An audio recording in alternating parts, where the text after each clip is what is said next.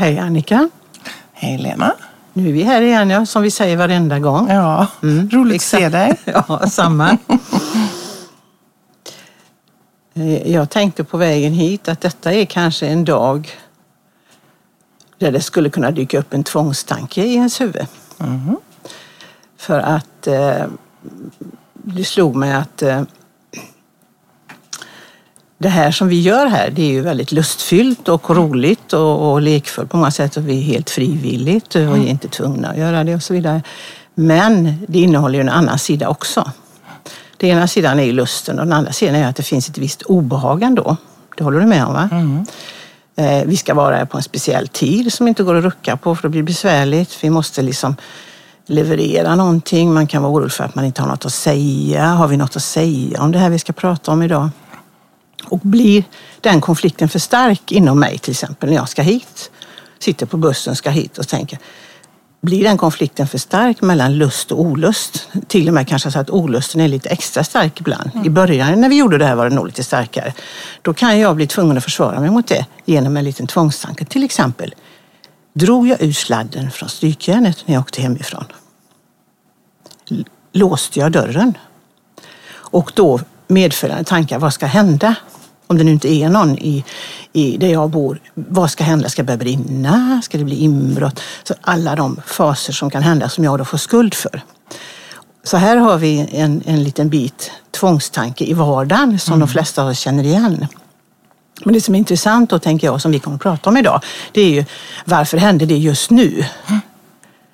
För att de här vardagstvångstankarna, de, eh, de kommer ju och går och de lever man med. Men de, ofta förlamar de ju inte. Men om vi säger att jag skulle vara väldigt upptagen av detta, så jag var tvungen att säga Annika, vi får ställa in idag. Jag måste åka hem och kolla om strykjärnet är på. Då hade det förlamat min kreativitet, mitt arbetsliv och min, mitt liv på ett annat sätt. Men om jag lyckas övervinna det genom att tränga bort det igen eller ringa någon som kan gå och kolla så lugnar det ner sig.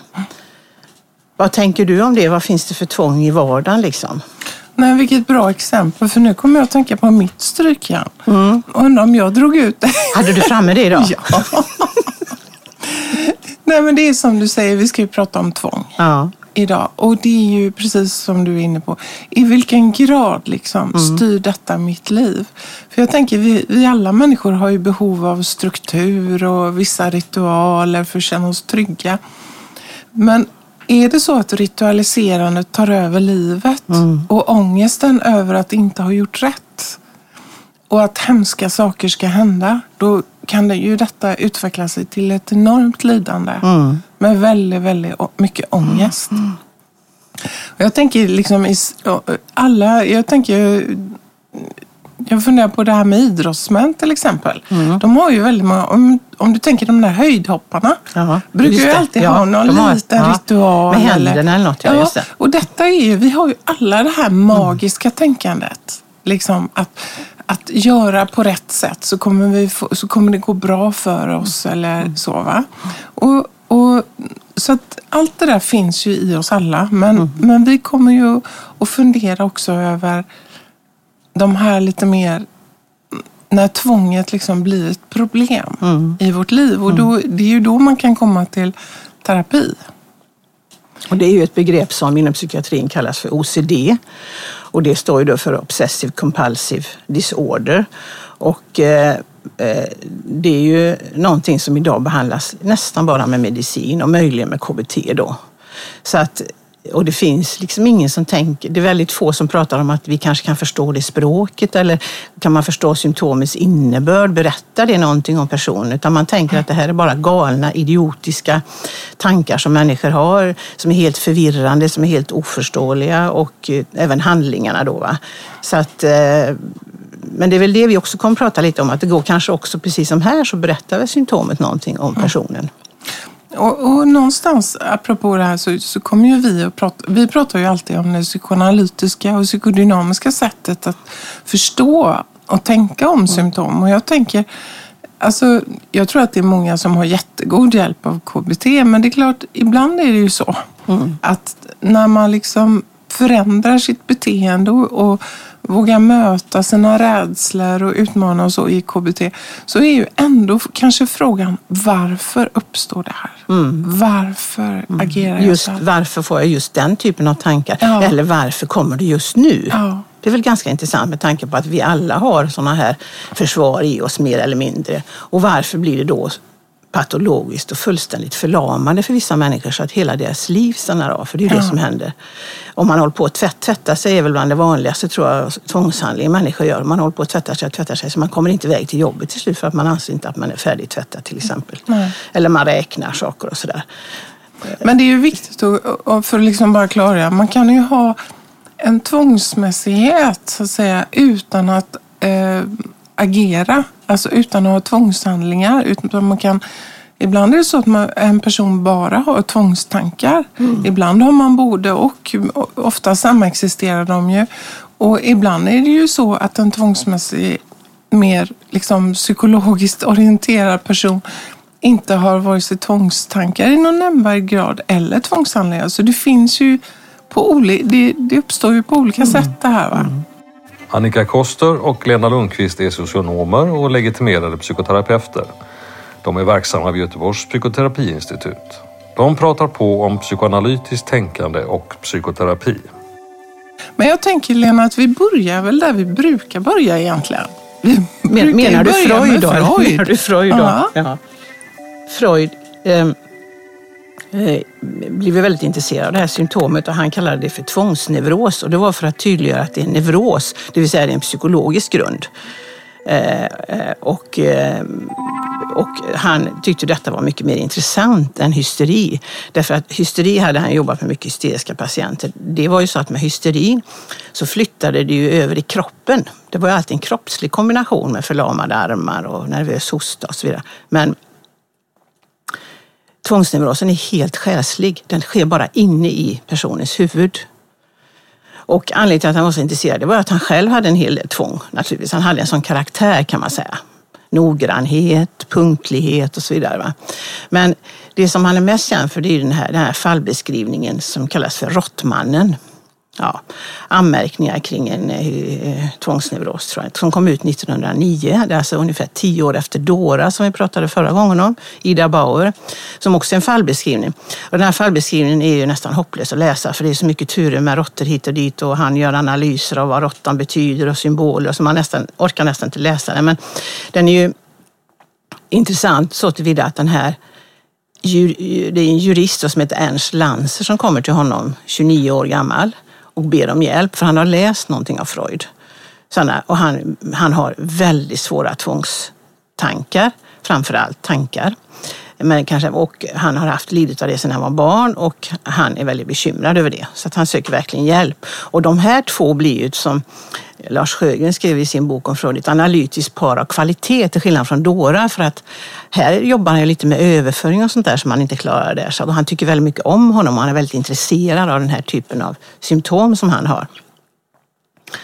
Eh, Men jag kanske ska berätta lite om den här råttmannen, vad det är. Mm, det, är det. det är ganska läskiga saker det här, som vanligt när det gäller Freud. Han, en, eh, han har precis blivit klar med sin juristutbildning tror jag och han är lite förlamad både när det gäller arbete då och kärleksförhållanden. Han inte riktigt få till det. Och han berättar då att han, att han har till exempel tvångstankar kring att han vill skära halsen av sig kommer över honom då och då. Va? Han, som antyder att han har väldigt mycket skuld. Han pratar mycket om sin pappa. Det här är väldigt mycket en historia om en, en ambivalent relation till en pappa. Den här pappan är redan död men han lever väldigt starkt i den här mannen ändå. Och han har en tanke om att om han vill se nakna kvinnor så kommer pappan att dö. Sådana här kombinationer har han. Om jag han längtar mycket efter nakna kvinnokroppar, han vill se nakna kvinnor. Men om han liksom skulle släppa lös det tänker han, då kommer pappan att dö. Fast pappan är redan död, det är det intressanta. Men det här är sådana här tankar han har. Och så motsatser hela tiden. Han får inte göra det för då kommer det hemska att hända. Och det handlar mycket om att människor nära honom, pappan och även en kvinna som säger att de ska dö om han gör vissa saker. Så det här är tvånget kommer in. Och det som är lite eh, då speciella med det är att han ligger då i fälttjänstgöring i det militära och där finns det en kapten då. Det är det som händer här då. Det finns en kapten där som anses vara väldigt grym och som vill återinföra sådana här hemska kroppsliga bestraffningar inom det militära. Va? Och den här kaptenen en dag då, när den här Ernst är där, berättar han om en kinesisk råttortyr som handlar om att man lägger då krigsfången eller vad det är på magen och så sätter man ett stort kärl över rumpan och så släpper man in råttor där som gräver sig in i anus. Det här är så äckligt som man... Ja. Och detta fastnar då i den här Ernst skalle fullständigt. Han blir helt besatt av detta. Att det ska hända hans pappa och det ska hända hans kärlek som heter Gisela eller något. De ska bli utsatta för detta. Det är den första tanken han får, helt besatt. Samtidigt som detta, då, det här som är intressant, samtidigt som detta, den här berättelsen, då, han får den till sig, så händer det att han tappar sin pensée. Vet du vad pensée är? Mm. Här, ett glasögon Mm. han hade först, han satt upp på näsan. Så. Och den är han väldigt beroende av. Så omedelbart beställer han ett nytt exemplar eh, från någonstans då, som ska komma med postorder. Då, på den tiden. Eh, och eh, eh, Eh, det händer då samtidigt som detta. Så efter någon dag så kommer denne kaptenen igen då som är någon slags fadersöverföring, då, grym fader. Ja, och säger att du, du, din pensé har kommit, du måste betala 3,50 kronen till en speciell löjtnant eller någon annan i det militära. Det måste du göra. Det är ett imperativ från faderspersonen då. Och då får han för sig så här, om jag betalar 3,50 till den här löjtnanten som har, eh, som har liksom eh, betalat min pensé i förskott, då kommer min pappa och min kärlek Gisela att råka ut för råttor- råttortyren. Vilket innebär att han ger sig in i de mest märkliga beteenden för att undvika att betala. Samtidigt som han måste betala. För han, annars står han i skuld den här hemska... Det här, är, det här berättar han för Freud och Freud är med i detta då och intresserar sig för detta. Och det är ju hans storhet att han är verkligen inte rädd för de här råttvandringarna utan han vill höra alla detaljer och allting kring detta. Då, va? Så att, eh, eh och då säger ju Freud att han, han, han, får ju, han, han kanske bara går ett halvår, ett år, men han blir frisk från detta. Han, han liksom blir fri från de här tankarna efter den här terapin eller analysen. Då. Och eh, då tänker Freud att han har jobbat mycket med överföring, men han har också följt med i den här berättelsen och varit intresserad av att lyssna och så vidare. Eh, Men till saken hör att man har inte kunnat följa den här Ernst senare därför att redan sju år senare, när han är 36 år, så dör han i ett ryskt fångläger. Alltså först 1914, första världskrigets första år. Så att man har inte kunnat se hur det har gått för honom efter det här. Han var ju väldigt ung redan då. Men efter den här analysen så eh, träffar han en kvinna då och inleder ett förhållande och blir fri från de här tankarna. Ja, ja, så det blev ganska bra där ett tag i alla Ja, fall. ja ett tag ja. In, innan han dog ja, då? Innan han dog, ja. Ja. Mm. Eh, Men då pratar ju Freud här till och från hela tiden om det här med att eh, det handlar mycket om skuld. Vad han tänker om. Det handlar mycket om skuld som skapar väldigt hög ångest som man måste lösa på något sätt. Och det gör man genom att flytta ut liksom konflikten utanför sig själv. Och det är en konflikt mellan kärlek och hat väldigt mycket. Det säger ju nästan alla inom psykoanalystänket. Det är en konflikt där man är rädd att hatet ska ta överhanden. Eller man är rädd att man ska kunna härbärgera det. Och det här har han hos sin pappa då. Det är det han får prata mycket om. För pappan hade ju agat honom och sådär. Och han, hade väl liksom, han var rädd att pappan skulle eh, liksom förbjuda honom då sexualitet och sånt där tror jag. Den här riktigt oidipal, oidipalkonflikt var det ju kring pappan. Och ehm, eh, det här är ju också klassiskt att Lars Sjögren som skriver om det sen, han menar ju på att mamman var mycket mer intressant egentligen, för det var hon som hade paranoida föreställningar. Som, men Freud, han är ju väldigt dålig på att ta med moderns betydelse för uppväxten överhuvudtaget. Det får vi ju säga, det är väldigt tråkigt. Att det är jättemycket papperna, fäderna och eh, för att här hade modern tydligen ett inflytande. Hon finns med i hans råanteckningar då från den här, men de har han tagit bort sen. Så att han tillskriver inte mödrarna speciellt stor betydelse. Medan vi idag tänker helt annorlunda naturligtvis. Och även Klein och Winnicott efter honom. Men, så att här finns ju en annan historia. Men han blev ju slagen som barn. Dessutom hör till saken att han var förmodligen utsatt av lite övergrepp av de här guvernanterna och barnflickorna han hade som han fick tafsa på. Så, där. så det fanns en sexuell koppling också till det här.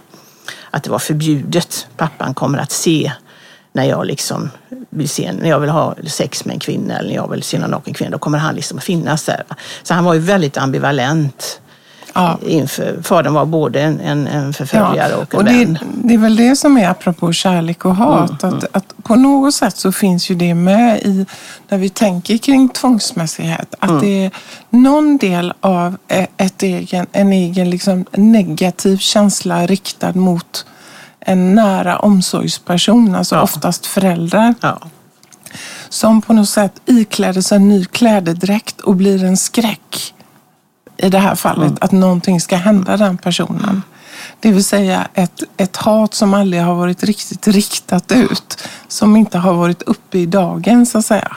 Nej, precis. Så- Man har, det är en svårighet att hantera det här som vi brukar prata om med Melanie Kleins depressiva position, att kunna se att en älskad person är både hatad och älskad. Det går Precis. inte för den tvångsmässigt som är riktigt gra- klarar inte det, utan han måste hålla isär det till varje pris. Ja, Och därav får han de här konstiga förvirrande handlingarna, för det är ju sätt också att hålla borta den Ja. här rädslan kanske egentligen, eller förtvivlan över att jag kanske inte har tillräckligt med kärlek i mig, tror jag också. ja. Jag är rädd för det. Och, och någonstans tänker jag att när vi då går, om vi går in i terapirummet när en, en person med tvångsmässiga liksom, drag kommer in i vårt rum så är det ju väldigt mycket kanske när vi frågar jag tänker, jag läste någonstans Nancy McWilliams, en sån eh, som har skrivit en del om det. Jag skriver det här. När en sån patient kommer in i rummet, så om man frågar hur det känns, så svarar patienten med en tanke. Ja, Ja. Alltså att man är väldigt organiserad psykologiskt kring att tänka och att göra och inte känna. och inte känna. Det betyder ju inte att de här personerna inte känner. Men vreden och så är ju ofta inte uppe i dagen. Utan i, i ett terapirum så kan ju det här visa sig till exempel att, att patienten kan känna sig liksom eh, eh, i relation till terapeuten, att terapeuten är kritisk. För så placerar en egen kritisk del kanske i, i mig som terapeut. Och, och att det finns en, en atmosfär av kanske en väldigt, väldigt samarbetande patient på ett sätt. Nu pratar jag mer om, om en person kanske mer med eh, mycket tvång, kanske inte så mycket tvångshandlingar utan mer lite det här tvångstankar av att en väldigt samarbetsvillig patient samtidigt som det finns en annan rörelse någon annanstans av en dold kritik och en dold aggression. Och utifrån motorföring så kan ju det vara ganska jobbigt att sitta i också som Alltså jobbigt, man behöver liksom jobba med sig själv i rummet när de här två olika delarna finns.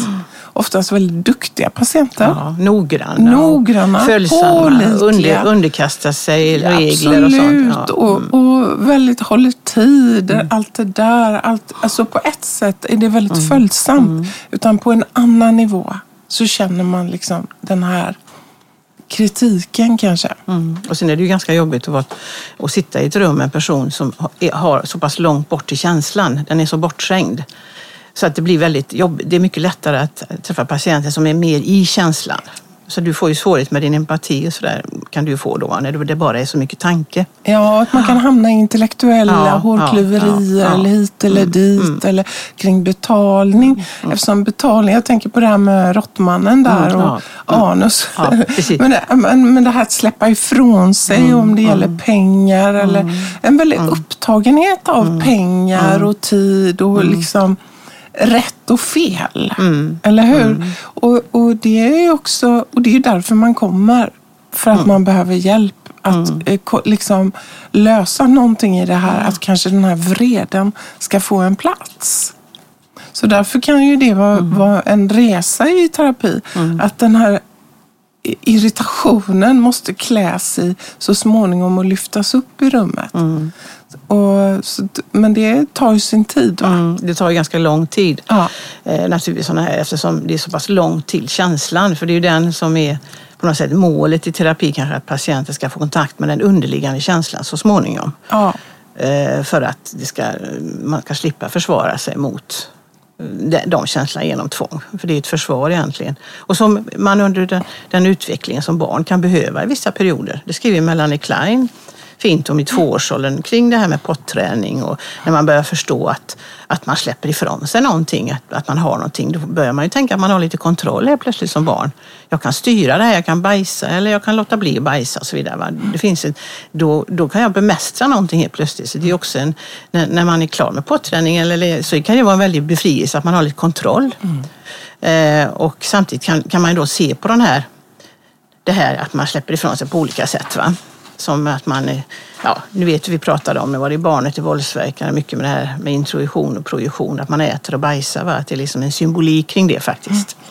Och tvångsneurotiken är väl mer troligt att den personen kan bli förstoppad, att han håller inne till varje pris va? för att kontrollera det Men jag som man tänker, tror är farligt Det är inom ju väldigt många duktiga, framgångsrika personer som har de här dragen. Alltså, om vi utgår från att vi alla har drag av allting så kan man ju tänka att det ligger... En, för det finns ju också så i vår kultur, faktiskt, i vårt samhälle, så, så premieras ju ordning och reda, pålitlighet och allt sånt där.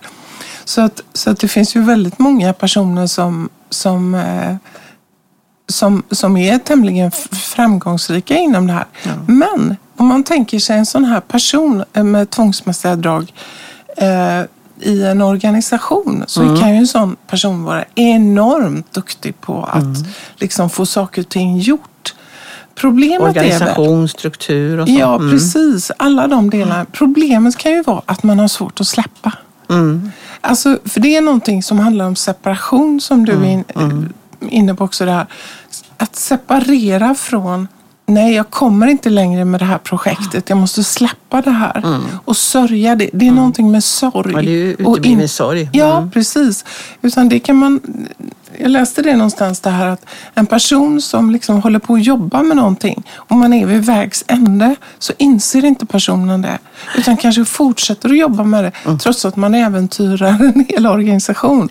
Eh, Sitter en sån person i Och en kan chefs... plåga, plåga sina kollegor mycket med sitt, om det är paragraf, Ja. paragrafrytteri eller regler och sådär, så att det blir jobbigt. Ja, och sitter en sån person i en ledande ställning Mm. så kan det ju bli problematiskt eftersom lite som grävlingen, Mm. att inte släppa stöveln, så kan ju det också bli att man liksom äventyrar en hel verksamhet bara för att man ska göra saker och ting rätt. Mm. Ja.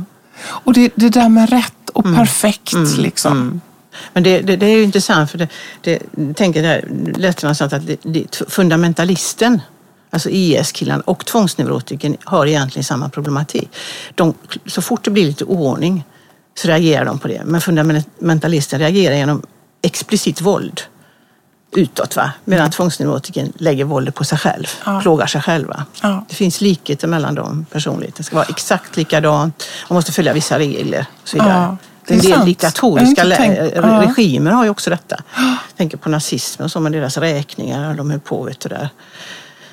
Någon Ja. slags ordning mitt i det här som vi såg i Auschwitz när vi var där. om Du kommer ihåg, någon slags ordning mitt i det här räknandet av skor och väskor. Och så obehagligt. Ja, men, och det var ju det som bar upp alltihopa. Ja, precis. Strukturen, ordningen. ja. Det är väl det Hanna Arendt har skrivit mycket om, det Mm. här med liksom, mm, strukturens banalitet. Ja, att det. Mm. var, ja, men jag gör bara min sak, jag sitter här och vänder papper. Och, Ja, att det, det, det var där också Det gjorde det möjligt. grymheten. Ja, bodde precis. i de Ja, små detaljerna. Ja.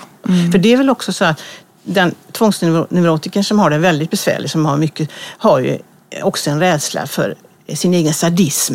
Inte bara, alltså verkligen att man har en sån sida som man är rädd ska liksom brisera. Det är liksom en krutdurk egentligen under väldigt starka tvång. Mycket aggressivitet tänker jag som ska upp först. Samma som hos en melankolisk person egentligen, som kanske ligger ännu lite lägre ner. Om man tänker på Freuds stadier, oralt och analt och så här. Så melankolikern har ju också, för att tillfriskna måste ju den personen också bli arg på något sätt. Inte bara lägga det på sig själv. I perioder ägnar jag i princip all vaken tid åt att älta. Ibland känns det som att jag ska dö om jag inte får bekänna mina tankar för någon. Samtidigt vet jag att det bara kommer att göra allt värre. I perioder ägnar jag i princip all vaken tid åt att älta om jag är en potentiell pedofil, mördare, ond människa. Det är helvetet på jorden. Lovisa 33. Nej, och det är ju ofta mycket skuld. Ja. Och så, för det, du, nu är du inne på det här med tvångsneurotiker och det är då vi tänker att då är det skulden som dominerar. Mm. Ja, ja. Medan när man, om man tänker sig som en skala, om, om den här tvångsmässiga personen befinner sig mer åt liksom det psykotiska hållet. Mm. Det läste jag också ett fint exempel apropå det här med kolla spisen och så. Ja. Eh, Så en, en mer tvångsneurotisk person eh, blir lite generad när man berättar om det. Eller hur? Kan se sig själv, har en viss självobservation. Medan en, en person som befinner sig mer åt det psykotiska hållet tror verkligen, tänker verkligen att katastrofala saker kommer att hända. Ja. Att det är så. Och är dessutom arg på alla andra som inte tänker på att stänga av spisen. Så att där är liksom en skala var... Och även tvångsneuroten kan naturligtvis pendla mellan lite friare intervaller och lite mer tvångsmässigt.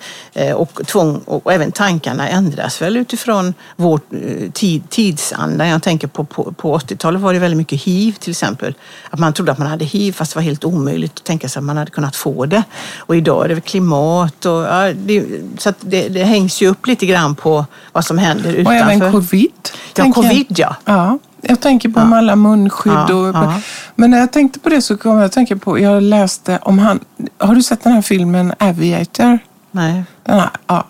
I alla fall, den skildrar ju Howard Hughes. Han Mm. var ju en av världens rikaste män som levde. Han dog väl någon gång på 70-talet, jag vet inte.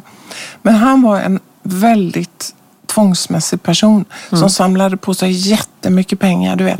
Man såg liksom hur, lite som Joakim von Anka, liksom stora säckar. Men, Mm. Och han gifte sig bland annat med hon den här, vad hette hon då? Rita Hayworth. Då. En sån filmstjärna. Mm, Han ja, samlar liksom. Mm. skönhet och pengar och sånt runt omkring sig. Men det var ju också så att han eh, var ju så tvångsmässig. Och mot slutet av sitt liv, för jag tänker på det här du säger, det kan fluktuera under en människas liv. Ja. Ålderdom och när man hamnar väldigt mycket med sig själv är ju också en sån liksom punkt där det här också kan generera mycket mer tvång. Så han, i slutet av sitt liv så levde han i ett hermetiskt tillslutet rum som var helt fritt, fr- skulle vara fritt från alla basiller. Oj då. Liksom en, Du vet en säng bara och sen ett vadderat rum. Och, och sen var han så snål. Ja. Så i, han hade ett jättepalats där, jag vet inte om det var i Kalifornien och sådär. Och detta var ju på 60-talet och på den tiden du vet, stoppade man ju ner en, en peng i en telefonautomat om man skulle Ja, ringa. ja. Då var han så snål så när han hade gäster va, så ville han inte att de skulle använda hans telefoner och slösa på hans telefonräkningar. Utan han hade satt upp de här liksom, telefonapparaterna på strategiska ställen. Så att de här filmregissörerna och så som var besök skulle stoppa ner en dime där för att ringa. va? Nej, men jag det, Ja. hur det kan ta över en hel människas liv. Och det är ju därför vi kan skratta åt det. Men det är ju ett enormt lidande. Va? Och vad är det, om, vi går över till mer, vi har, nu pratat lite mer om det obsessiva, alltså Ja, tvångstankar. ja, ja. Om vi går över lite mer på det, det man kallar för kompulsiva, alltså det, handlingar. handlingarna. vad, vad är det vanligaste egentligen? Det vanligaste tror jag läste det är att man tvättar sig. Det är Ja. tydligen. Om och om igen för att rena sig. Det är intressant eftersom renhet är lätt att koppla till en symbolik kring att jag är smutsig, jag är syndfull. Det är kopplat upp med sexualitet, även med aggressivitet, tvätta bort saker. Va? Du vet att även till exempel våldtäktsoffer och så, eh, som är offer, det första många av dem gör eh, det är att tvätta sig eller stå under duschen i timmar för att ta bort, för det, det som händer kring sexuella övergrepp det är att offret tar på sig skuld. Så att det flyttas över. Va? Så att det, det, det tydligen, och så räkna är väldigt vanligt också tydligen, att man räknar.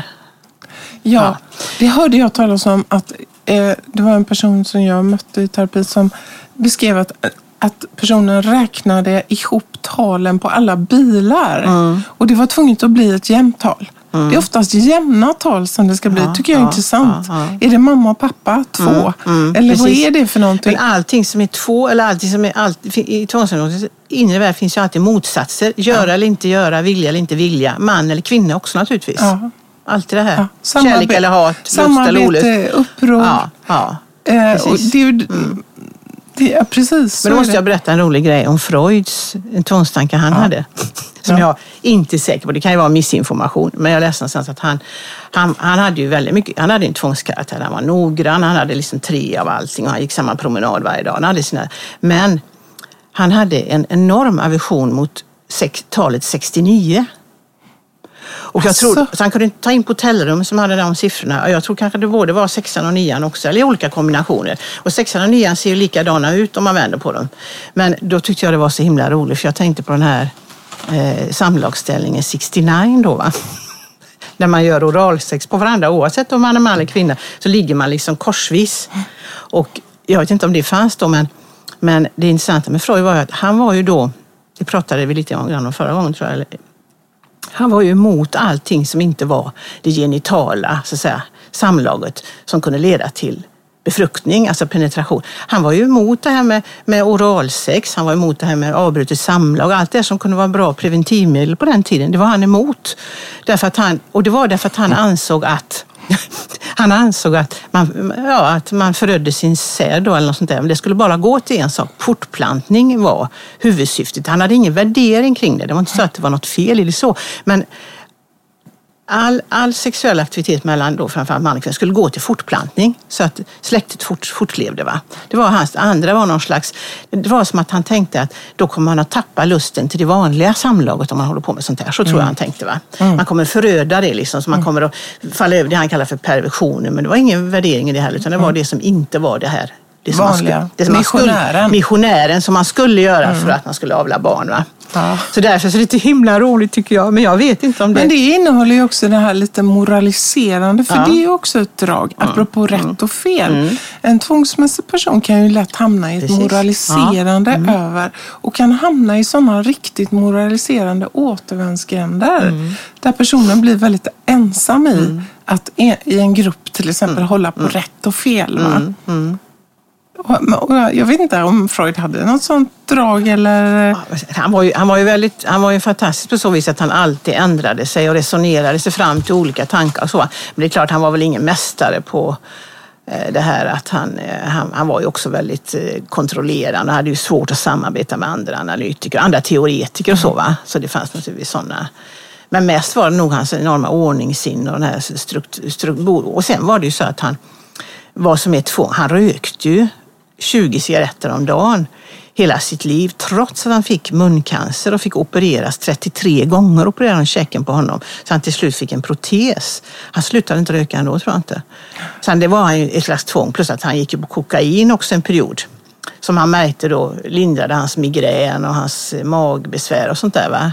Så att, eh, men det lämnade han ju sen när han förstod att det liksom påverkade. Det visste, man visste ju inte att kokain var farligt på den tiden. Det användes ju som smärtlindring och så. Så Men- han hade men- ju sådana egenheter. Ja, och då kan man väl tänka på det här med kontroll. Just att han har...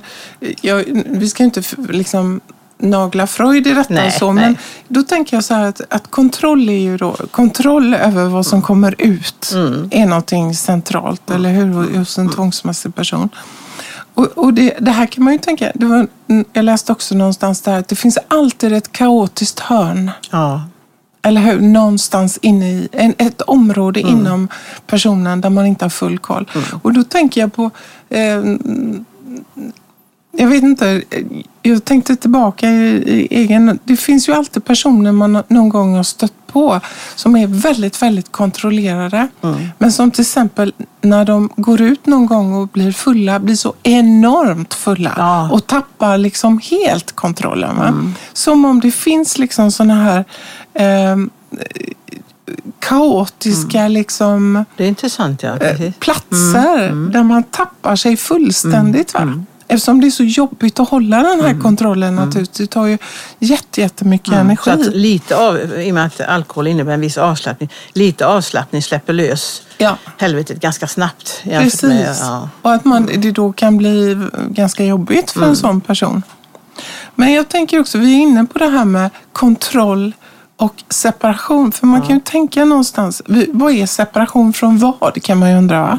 Men då tänker jag någonstans kring den här eh, patientgruppen eller personen. Så, att det är ju också det här att, att separera ut sig och bli en autonom person. Eller hur? Eh, att det finns någonting redan, vi brukar ju tala om en alldeles naturlig tvångsmässig ålder någonstans där i, i det vi kallar för latensen. Ja, mellan- mellan ja, 11, 12, precis. Mm, där någonstans. När, när liksom förnimmelsen av att man kommer att bli stor Mm. infinner sig. Va? Och det väcker en väldig skräck. Mm. Och helt plötsligt också börjar liksom aggressiva liksom tankar komma upp om de Mm. människor som är mina närmaste omsorgspersoner. Och det är ju som det ska vara, för jag ska ju ifrån dem. Man ska separera från dem. ja. Jag ska ju separera, separera som du säger. Och i de lägena så märker vi ju att barn faktiskt slutar gå på A-brunnar en del. Mycket magiskt tänkande träder in. Också som ett sätt att skydda det jag har. Alltså barndomen, mina älskade liksom, mamma och pappa och så. va? Och att det, för när man läser om det här så, så, och, och det man vet i sin egen kliniska erfarenhet så debuterar ju de här, alltså många gånger tvång debuterar ju i de här åldrarna. Och det är ju från början en alldeles naturlig period. va? Ja, faktiskt. Och frågan är ju hur man också ser på detta inom eh, sjukvård och... Och det är ju det som Klein skriver också då, även om hon pratar om den här tvåårsåldern när påträning börjar, det också är naturligt att det hör till att man, att man använder tvång. Där räknar man ju mycket då. Man ska läsa samma saga, göra samma sak. Det här upprepningsgrejerna som finns i de här småbarnsåren kan ju också vara ett tvång. Men att det är helt naturligt att man behöver det försvaret för att hantera till exempel i latensåren. För att göra sig beredd inför den här stormande ungdomstiden eller adolescens så måste man liksom, behöver man ha det här försvaret. Och vad händer om det blir betraktat som ett... Om Ja. det haussas upp och laddas upp? Jaha, nu har vi en, en t- tolvåring här som är tvångsmässig istället för att se det som en utvecklingsfas. Vad, vad, vad får det barnet för signaler funderar jag på också. Kring det här med att det är en naturlig period och att känna aggressiva känslor och ha fantasier som är liksom av aggressiv karaktär mot föräldrar. Att det är som det ska vara. Ja. Risken är ju att vi patologiserar barn här då. va? ja. För i någon mån är ju tvångsmässighet, det är ju att vara kvar vid objektet. Ja, just det. Rädsla och skada, behöva beskydda, behöva Ja, försonas med. Jag hörde Rädsla någonstans- att jag ska göra något som skadar objektet. Att jag har några... Ja, jag hade en tjej en gång som var- tvungen att ringa sina föräldrar tio gånger om dagen. Bara för att kolla att de var okej. Att mamma var okej när hon har kört hem från jobbet. Att hon var så.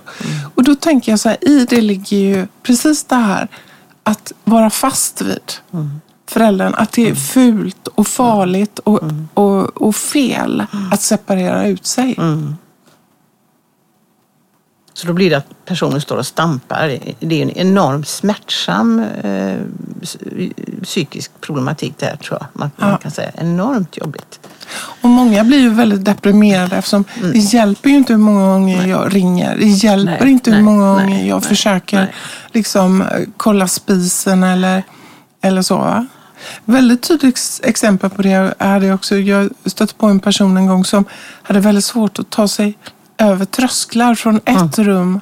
Och framförallt om personen hade bott på ett hotell eller så och skulle lämna hotellrummet så var det nästan omöjligt att komma över tröskeln. Om inte allting, för skräcken var att allt var inte perfekt. När den personen lämnade Nej. rummet. Eller hur? Det här perfekta också, allting skulle vara i ordning. Och skräcken över att ja, här finns väl lite skit, jag har väl stökat till det lite. Det var en, en omöjlig tanke liksom. Och det är ju en enorm liksom, äh, ångest i det. Va? Så svårt liksom. Sen är det där, du var inne lite grann på det, frågan är om det är någonting i vår tid också som gör att oron och ångesten kring osäkerheten har ökat. Det påstår ju han Roland Paulsen i den här boken Tänk om, en bok om oro. Att, och det finns ju tydligen siffror på, nu är det svårt det här med hur man mäter som det har att göra med massa andra saker, men tvångsmässighet var ju väldigt få som hade på 70-talet enligt den här DSMI-kriterierna då. Medan idag är det ungefär 2 procent. Så det har ju ökat väldigt mycket. Har det någonting att göra med vår tid? Är vi mer rädda? Har vi svårare att hantera osäkerhet menar han ju. Han menar ju att vi har svårare som kollektiv idag den moderna människan har oerhört svårt att hantera osäkerhet. Och eh, eh, jag tänker på lite grann kring den här pandemin kan man ju känna det, att det har varit liksom en hysteri kring dödstal och siffror. Så att man liksom håller på ungefär som att livet inte ska innehålla död och sjukdom, för det gör det ju hela tiden ändå. Va? Det är ju en del av att vara människa, att livet är livsfarligt om man säger så. Det kan hända något nästa sekund, men att det har blivit svårare att hantera för den här så kallade moderna människan, jag vet inte. Det är intressant. Tvångsneurotikernas förkärlek för osäkerhet och tvivel driver dem till att företrädesvis ägna tankarna åt sådana teman som alla människor är osäkra inför. Och där vårt vetande eller omdöme ofrånkomligen måste förbli underkastat tvivel. Sådana teman är i första hand härstamningen från Fadern, livslängden, livet efter döden och minnet, som vi brukar sätta tro till utan att vi har den ringaste garantier för dess tillförlitlighet. Ur fallbeskrivningar Råttmannen av Sigmund Freud. Och är det den här typen av människor som man också, liksom, precis som du säger, som, eh, jag tänker idag det är mycket detaljstyrning. Jag tänker på vad Jonna Bornemark Ja. skrev i den här Det omätbara människan, hette den boken va? Omätbara... Ja, någonting med omätbara. Ja. Ja. Ja. Förpappringen. Förpappringen. Hon, hon talar mycket om det här med detaljstyrning av våra arbeten och inom myndigheter och så. Det, det frammanar ju den här typen av liksom, Ju- Och den här tänkande. personlighetstypen Ja, får, ju, får ju plus på det då. Efter, efterfrågas ju naturligtvis. Ja. Ja, och, och någonstans det här du säger osäkerhet. Hon, Mm. hon pratar ju om det, det var så jag associerade det. För Hon pratar om det, så viktigt det är att vi alla i våra arbeten har platser för gott omdöme. Ja, där vi inte vet vart vi ska. Nej. Där vi bara får prata om vad, hur tänker vi här? Vad, hur ska vi göra här? Och låta människor själva liksom finna vägar. Va? Så att det inte kommer de här detaljstyrningarna ovanifrån. Hon, hon, hon visar ju till och med på att man, man missar själva kärnuppdraget i organisationer. Man gör inte det man är satt att göra från början. För alla de här förpappringsgrejerna tar över hela arbetstiden, går åt till det. Det är förfärligt egentligen att det har Och det är blivit... egentligen beskrivningen det jag sa förut om en, av en, en ganska tvångsmässig person Mm, som sitter och håller på med ett projekt på jobbet. Och fast det leder till liksom misslyckan så kan personen inte släppa. Det vill säga att det blir mer och mer detaljer, detaljer, detaljer. Va? Mm. Nej, men vad var det mer jag tänkte på? Med rätt? Jo, man kan väl tänka att en, en person med, med utvecklade tvångsmässiga drag har också svårt, apropå det här att hålla tillbaks. Man brukar ju prata om det som någon slags ringmuskelproblematik. Ja. Att också vara generös och ge. Och, Snålhet Ja. kopplar man ihop med lite Ja, grann. det Mm. behöver inte betyda att personen inte har värme och Nej, nej. kärlek också någonstans. Men att, att det här med att vara känslomässig Mm, och prata känslor, att det är lite barnsligt, det är, man, Mm. det är lite svagt. Alltså man, man övervärderar intellekt och rationalisering. Mm. Ja, och svårt att släppa ifrån sig kan ju vara liktydigt med att det är svårt att bajsa. Helt enkelt, man håller inne det och så jobbar man med konflikten inom sig. Och det blir ju väldigt arbetsamt. Men det, det är en, en, en, en sån oro kring det, att om jag släpper ifrån mig det så förstör jag det. Ja. Då dödar jag objektet så att säga. Ja. Länge jag har det kvar inom mig så lever det. Men jag vet inte om jag älskar eller hatar det. Eller jag vet inte om hatet tar överhanden. Det är liksom en, egentligen ett förlamningstillstånd kan man säga. Att man står och stampar mellan kärlek och hat.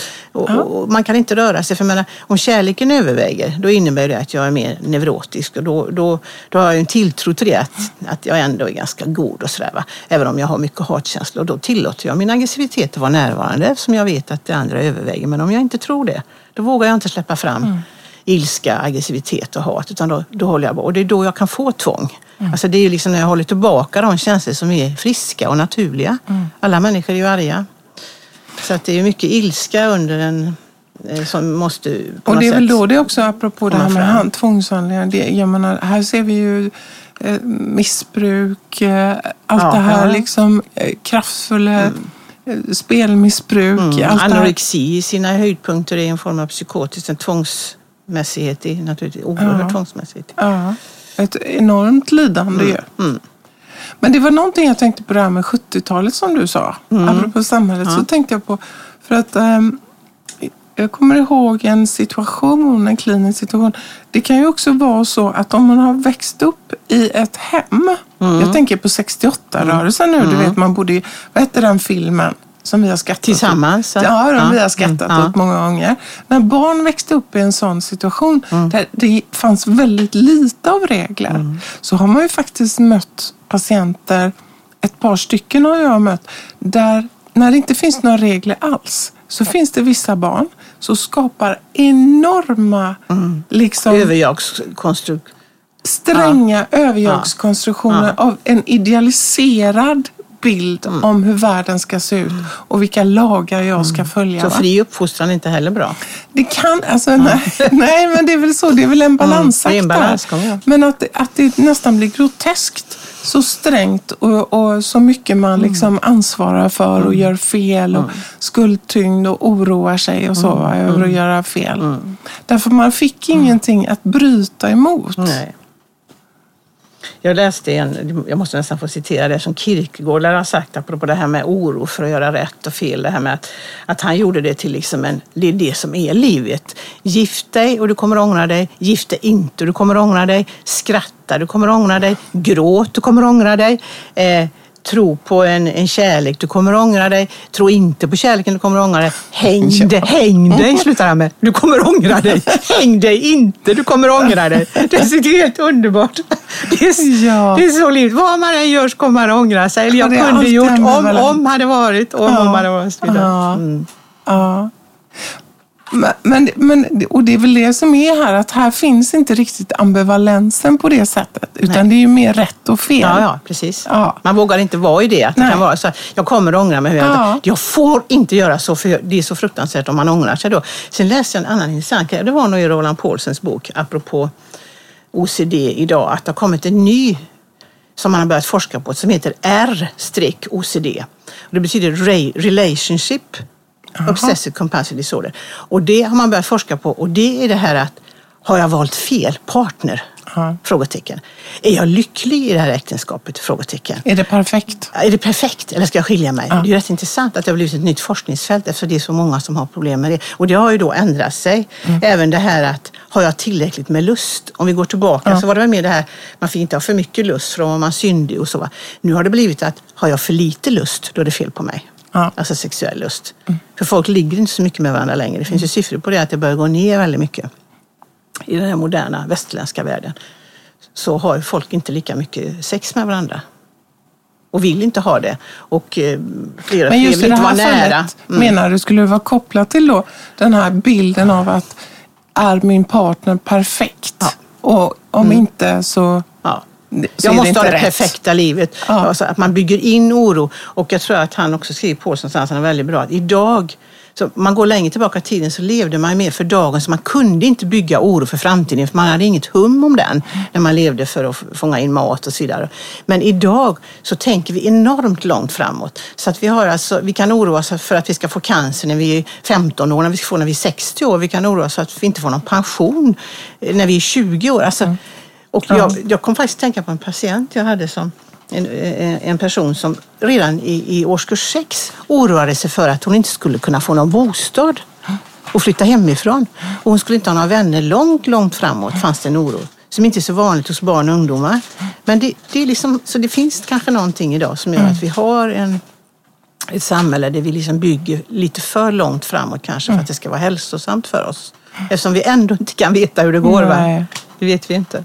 Men alltså, vi kanske ska beröra lite också det här med, med apropå psykoanalytiskt psykodynamiska sättet att tänka kring det här. Därför att, alltså, jag, jag, tänker, jag tänker att man, när man följer debatter kring eh, psykisk ohälsa på, på, på, i olika medier och så, så hamnar man ju ofta, det är inte föräldrarnas fel. Ja. Och det har ju aldrig det psykodynamiska tänkandet heller Exakt. förfäktat. Det är ju inte någons fel. Men däremot så hörde jag någon intervju kring, eh, på tv kring OCD. "Ah, Det har ingenting med föräldrar att göra. Ingenting Och det är där jag blir så bekymrad. Ja. För det är inte, handlar ju inte om att lägga någon skuld. Utan däremot att se helheten kring Förstå barn det till exempel, som är en familj. ungdomar. Ja. Ja, och hur ser det här samspelet ut utan att lägga en värdering? Så här är det och, och, och att det kommer upp saker som man kanske måste jobba kring för att förstå varför den här personen är så tvångsmässig. Förstå, att historien har betydelse. Och då nu, för man pratar om att det är genetiskt och det här, här tycker jag är så intressant. Vadå genetiskt? Om det finns tvångsmässighet i en släkt eller i en familj så kommer det automatiskt att överföras varje dag. Ja. Vid matbordet, Ja, härmning sängritualer, Ja, ja. vid tal och i ord. Alltså någonstans är det ju den atmosfären som finns. Och det handlar inte om att det är en dålig familj utan det handlar mer om olika relationsmönster. Ja. Och det kan man ju säga, en del av de här, vi vet inte vad det här handlar om, men det kan handla om då ärftlighet och inlärning. Och inlärning är ju att man härmar det man ser eller man löser problem så som man har sett föräldrarna lösa problem. Därför det är det som har stått en till buds, liksom. det är det man har sett. Det är ganska självklart. Ja. Men det finns en vidröringsskräck tycker Ja, jag. Och det ja. hamnar så lätt i svart och vitt. ja, liksom. verkligen. Och inte i helhet. Ja. Att vi blir människor utifrån de sammanhang vi växer upp i. Självklart. Men att liksom ta bort den delen för att inte skuldbelägga tycker jag är så problematiskt det är det faktiskt. verkligen. Att inte fråga sig varför. Ja, varför? Och samtidigt som man ger då barnet, ungdomen, en äldre vuxen ett, en möjlighet att jobba med det själv också på ett annat sätt om man, man Ja. ställer frågan varför. Då kan jag ju börja utforska. Då får jag liksom någon slags redskap också. Ja.